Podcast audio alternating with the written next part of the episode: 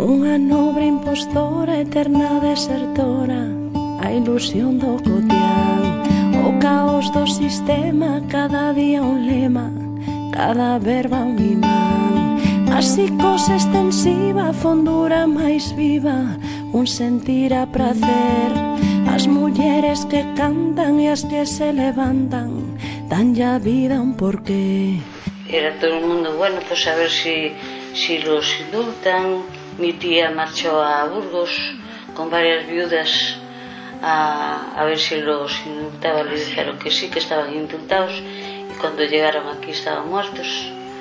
Y nosotros esa, a, esa, a esa, esa madrugada teníamos todo abierto porque estaba un día que, que es la casualidad que el 12 de noviembre está siempre el mismo día así de lluvia menudita y triste y así baja la, la atmósfera y yo es una cosa, es dichoso mes y dichoso día que lo, lo paso, hoy es el día que lo paso moi mal.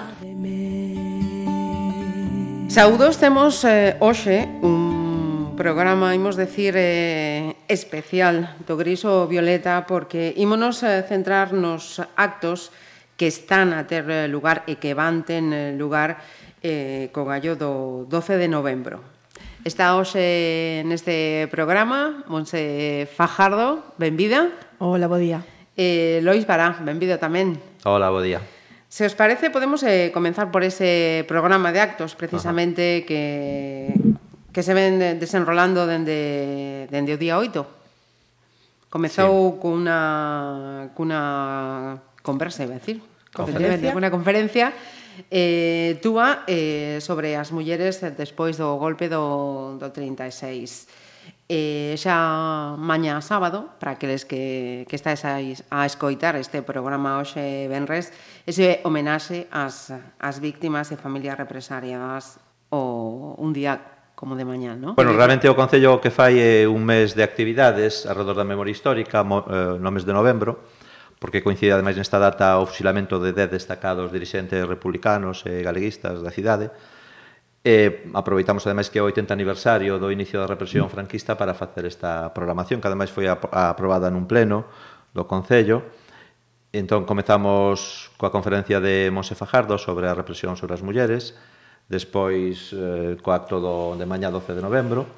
A próxima semana temos tamén unha proxección dun audiovisual, eh, dun documental, Vítimas sin llanto, que é precisamente sobre o sufrimento, a dor que padeceron as mulleres despois da, do terror non? Do, do 36 e dos anos seguintes. Van vir, ademais, as directoras deste documental, que conta historias que aconteceron en Andalucía.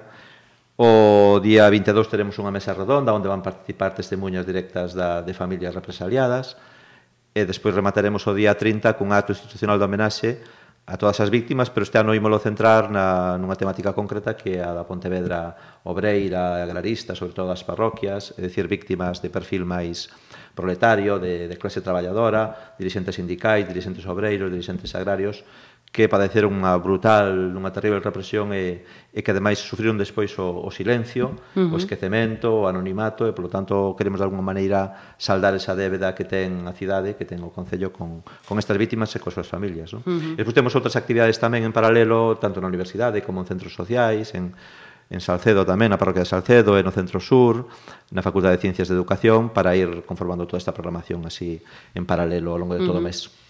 Eh, polo que estás a explicar eh, en referencia a ese documental as víctimas eh, sin llanto non só imos eh, ver coñecer eh, lembrar o que pasou aquí en Pontevedra, uh -huh. eh, sino que cías tamén eh, Sevilla. Sí. Coñeceremos tamén... Sí, eh, o acontecido en Andalucía, que son situacións semellantes ás que se viviron aquí. Uh eh, -huh. a represión en Galiza teve un, unhas características diferentes, porque aquí, como sabemos, non houbo directamente campo de batalla, nin guerra, houbo simplemente unha persecución, un xenocidio, unha, unha eliminación física e, e tamén a nivel político, psicolóxico, moral de, dunha parte importante da poboación, pero sí que hubo situacións paralelas, entón interesábanos, ademais, como estamos traballando na memoria das mulleres, na recuperación da memoria das mulleres e da, da represión específica que sufriron as mulleres ao longo das décadas do franquismo, coñecer outras situacións, outras experiencias, e, e parecenos moi acaído proxectar este documental, que ademais vai estar, e as directores estarán tamén na Facultade de Ciencias da Educación. Uh -huh.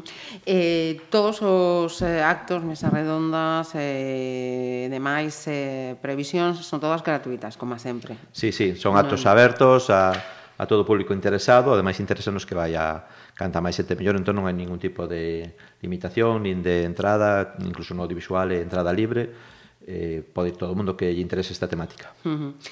Pois eh, podemos seguir, se, se os parece, falando desos, eh, deses 10 do, do 12N.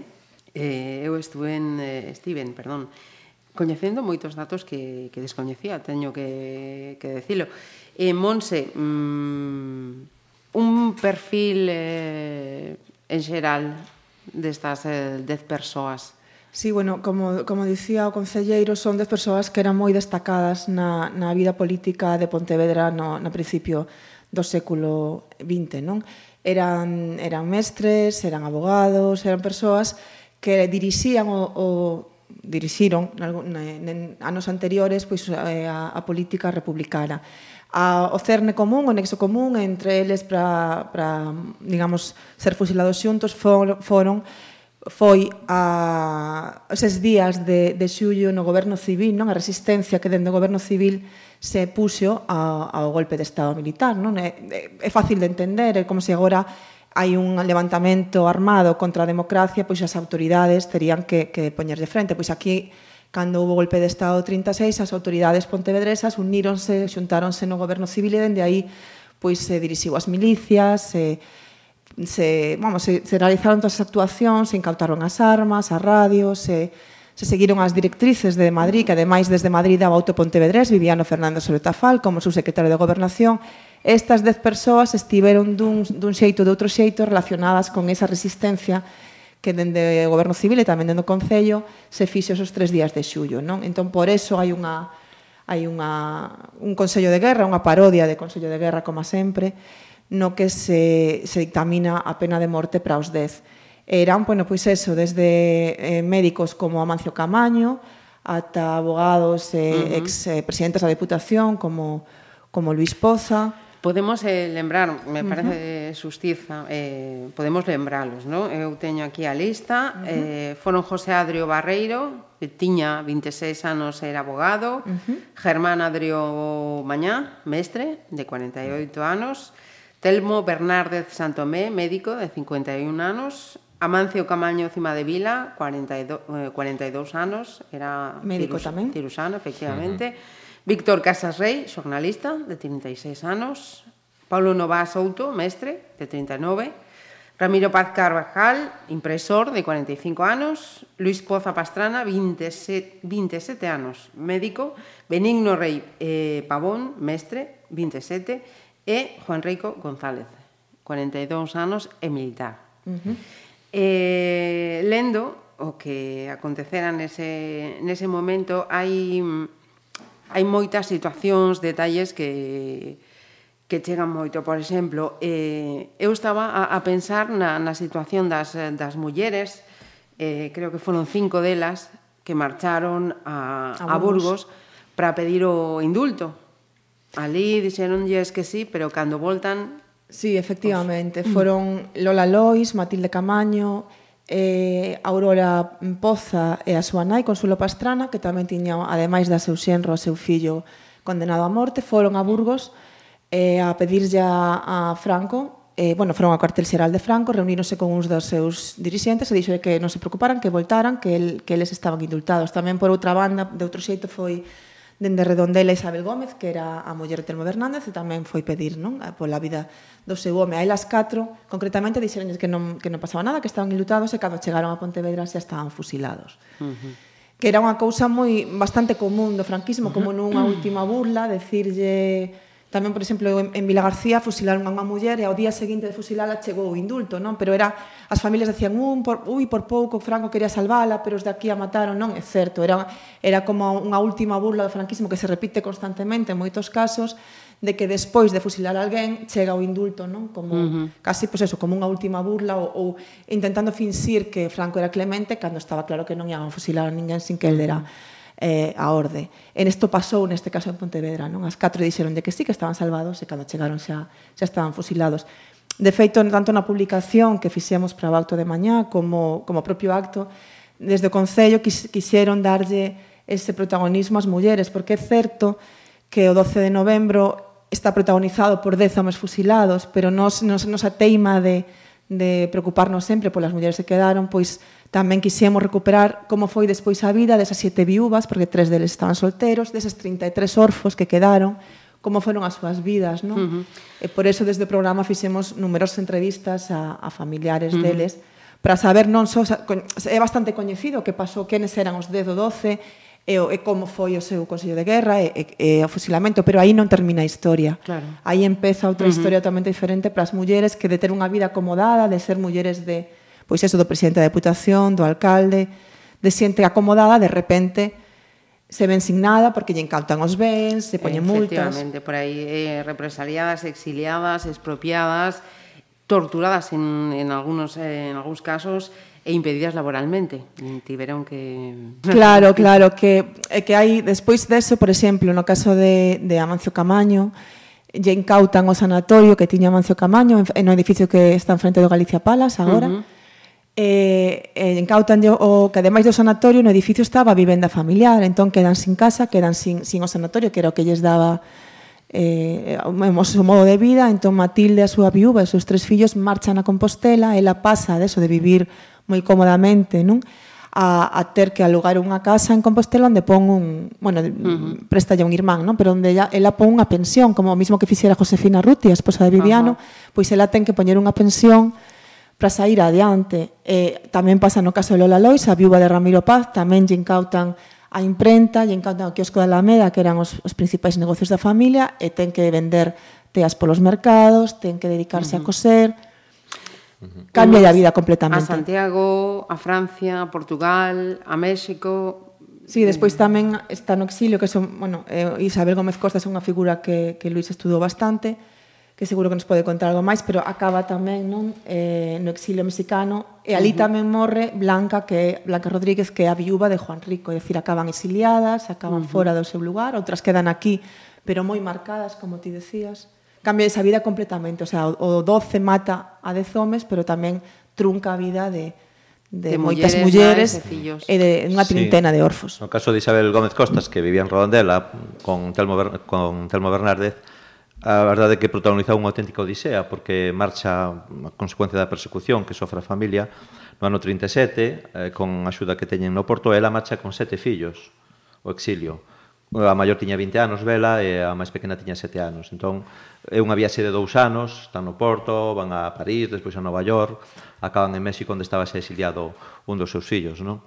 e entón imaginar o que foi a, a vivencia non desa situación de ter que marchar con sete fillos e, e todas as penalidades que pasaron e, e refacer a vida despois uh -huh. co permanente recordo do, do, do home morto outro fillo que estaba preso tamén de Telmo realmente é unha situación absolutamente dramática non que viviron estas familias e tamén nos interesa moito reconstruir como foi despois o digamos a, o día a día de, de, de sair adiante e tamén as relacións de amizade e solidariedade Era, entre, entre as familias, familias non? Que, sí, sí. que se teceron tanto en Pontevedra como en Santiago como tamén en México. Uh -huh. Era outra das, eh, dos puntos que, teñ, que, que tiña eh, apuntados. E, e non só mm, as familias eh, desas, eh, deses dez homes, sino incluso eh, as fillas, eh, teño aquí anotado de Ernestina Otero, tamén outra muller que sufriu uh -huh. a, a represión, que eh, amortaxaron a algúns dos corpos e eh, asistiron tamén eh, a varios dos, do, dos suizos. No? Había un, un detalle Elena, de 20 anos, eh, uh -huh. me pareceu... Eh, Sí. Tremendo, se si podeis contar... Sí, contaba o seu, o seu sobrinho, o sobrinho de Elena, o neto de Ernestina, Manuel Puga, que, que bueno, estivo aquí xa falando sí. de Ernestina no teu uh -huh. programa, e ademais colabora moitísimo con nós.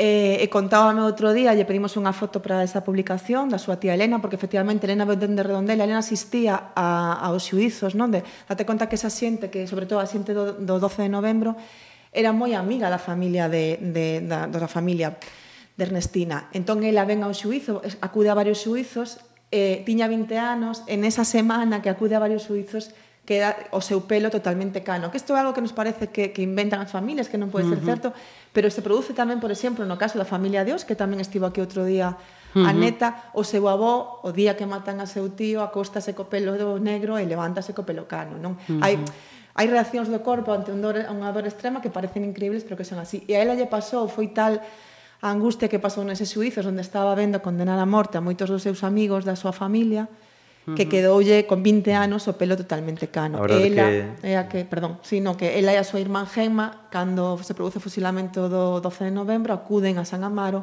e limpan e amortallan os corpos en vida de Paulo Novas uh -huh. nun acto de extrema solidaridade, porque ademais te podía costar moi caro de Paulo Novas e de e de Telmo Bernárdez, non? Uh -huh. Sí. E hai unha escena tamén que é arrepiante, que a mí me parece moi moi simbólica, que é o momento en que Elena Pereira eh, saca do interior da, da chaqueta uh -huh. de Telmo Bernárdez unha estampa de Santa Gema que está furada polas balas, non? É dicir, que uh -huh. moitos destes dirixentes republicanos eran xente, podemos dicir, de orde, eran xente reformista, non? que tiñan unhas ideas de mellora, de progreso social, pero eran xente de orde, eran xente crente católica como Mancio Camaño, como Telmo Bernárdez, é que o fusilan os, os, os defensores da religión, da patria, da familia, fusilano cunha estampa de Santa Gema uh -huh. que acabou sendo furada porque a tiña sobre o corazón, non? E non... A min eso pareceme o, o símbolo uh -huh. da, da, da senrazón e da sí, barbarie sí. do franquismo, non? Uh -huh. Incluso, eh, non son capaz de, de, de recordar cal era a, a nai que estaba eh, o fillo na cárcere, eh, estaba Anai rezando... Pre... Uh -huh Tamén María, foi... esa historia a mí me pareceu cando non la contou Marica Adrio a, a, a súa neta, a sobrinha de José Adrio, pareceme algo fermoso, dolorosamente fermoso, uh -huh. porque conta que a súa nai, eh, José Adrio era era ateo, non creía en Dios, pero a súa nai era moi crente. Uh -huh. Entón cando cando aí lo deteñen, ela pasa días rezando para que non o condenen a morte, cando condenan a morte, pasa tempo rezando para que non se execute, para que chegue o indulto. E conta Gonzalo Adrio que aínda vive o seu fillo que cando cando esa noite lle din a madrugada seguinte van a fusilar a José Adro que ela desmayase na escaleira non? e despois contaba a súa neta que pasou toda esa noite rezando a seu Deus para que non a mencera uh -huh. é unha é unha imaxe tamén non? Uh -huh. Como se non había posibilidade de indulto ela rezou, rezou para que non a mencera e unha vez que o seu fillo foi fusilado pois lle pedía a seu Deus que lle salvara a alma porque ela tiña moito medo de que non lle salvara porque uh -huh. non creía non?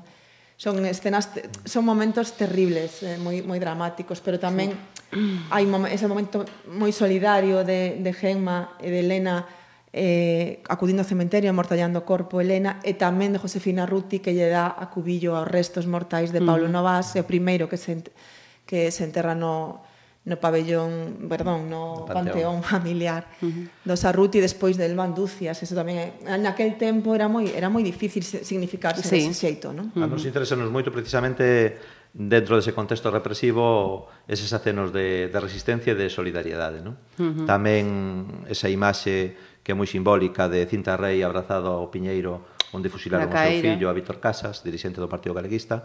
É unha fotografía, ademais, que lle fai a Amalia Álvarez, que é a viúva de Alexandre Bóveda, que fora fusilado nese mesmo lugar. Non? Entón, entre, entre estas dúas mulleres teceuse tamén unha relación de amizade e de solidaridade cinta viña da Coruña, todos os novembros, e tamén no Brán, ían ao Panteón, e ían ali a Caíra, xa nos anos 40, onde estaba ese piñeiro, onde mataron os 10 de, do 12 de novembro, onde mataron tamén a Alexandre Bóveda, e fixeron esa fotografía que foi unha fotografía que quedou para a historia, ademais dun lugar que despois desapareceu, uh -huh. porque como era un lugar tamén de peregrinaxe e de homenaxe, pois o franquismo eliminouno, non, borrouno, uh -huh. e, e non quedou un rastro máis que esa fotografía que é un auténtico símbolo da memoria. Uh -huh. E falando de, de, de eliminar das mentiras, un dos fillos destes de, de eh, homes que, que morreu coa pena de non lograr eh, que se recoñecera que a súa pai eh, o asasinaran, eh, porque aparecía que Todos eles morreran por hemorraxas internas, ¿no? Sí, Isidro Paz, Cané, máis coñecido, pai de, de Cano, actual propietario da librería Paz, era fillo de Ramiro, e durante toda a súa vida eh, Isidro intentou que o certificado de función do seu pai pusiera asasinado, porque decía que morrera por hemorraxia interna, como se a hemorraxia producera, un, producira unha úlcera ou algo así, uh -huh. unha das grandes mentiras do franquismo, non?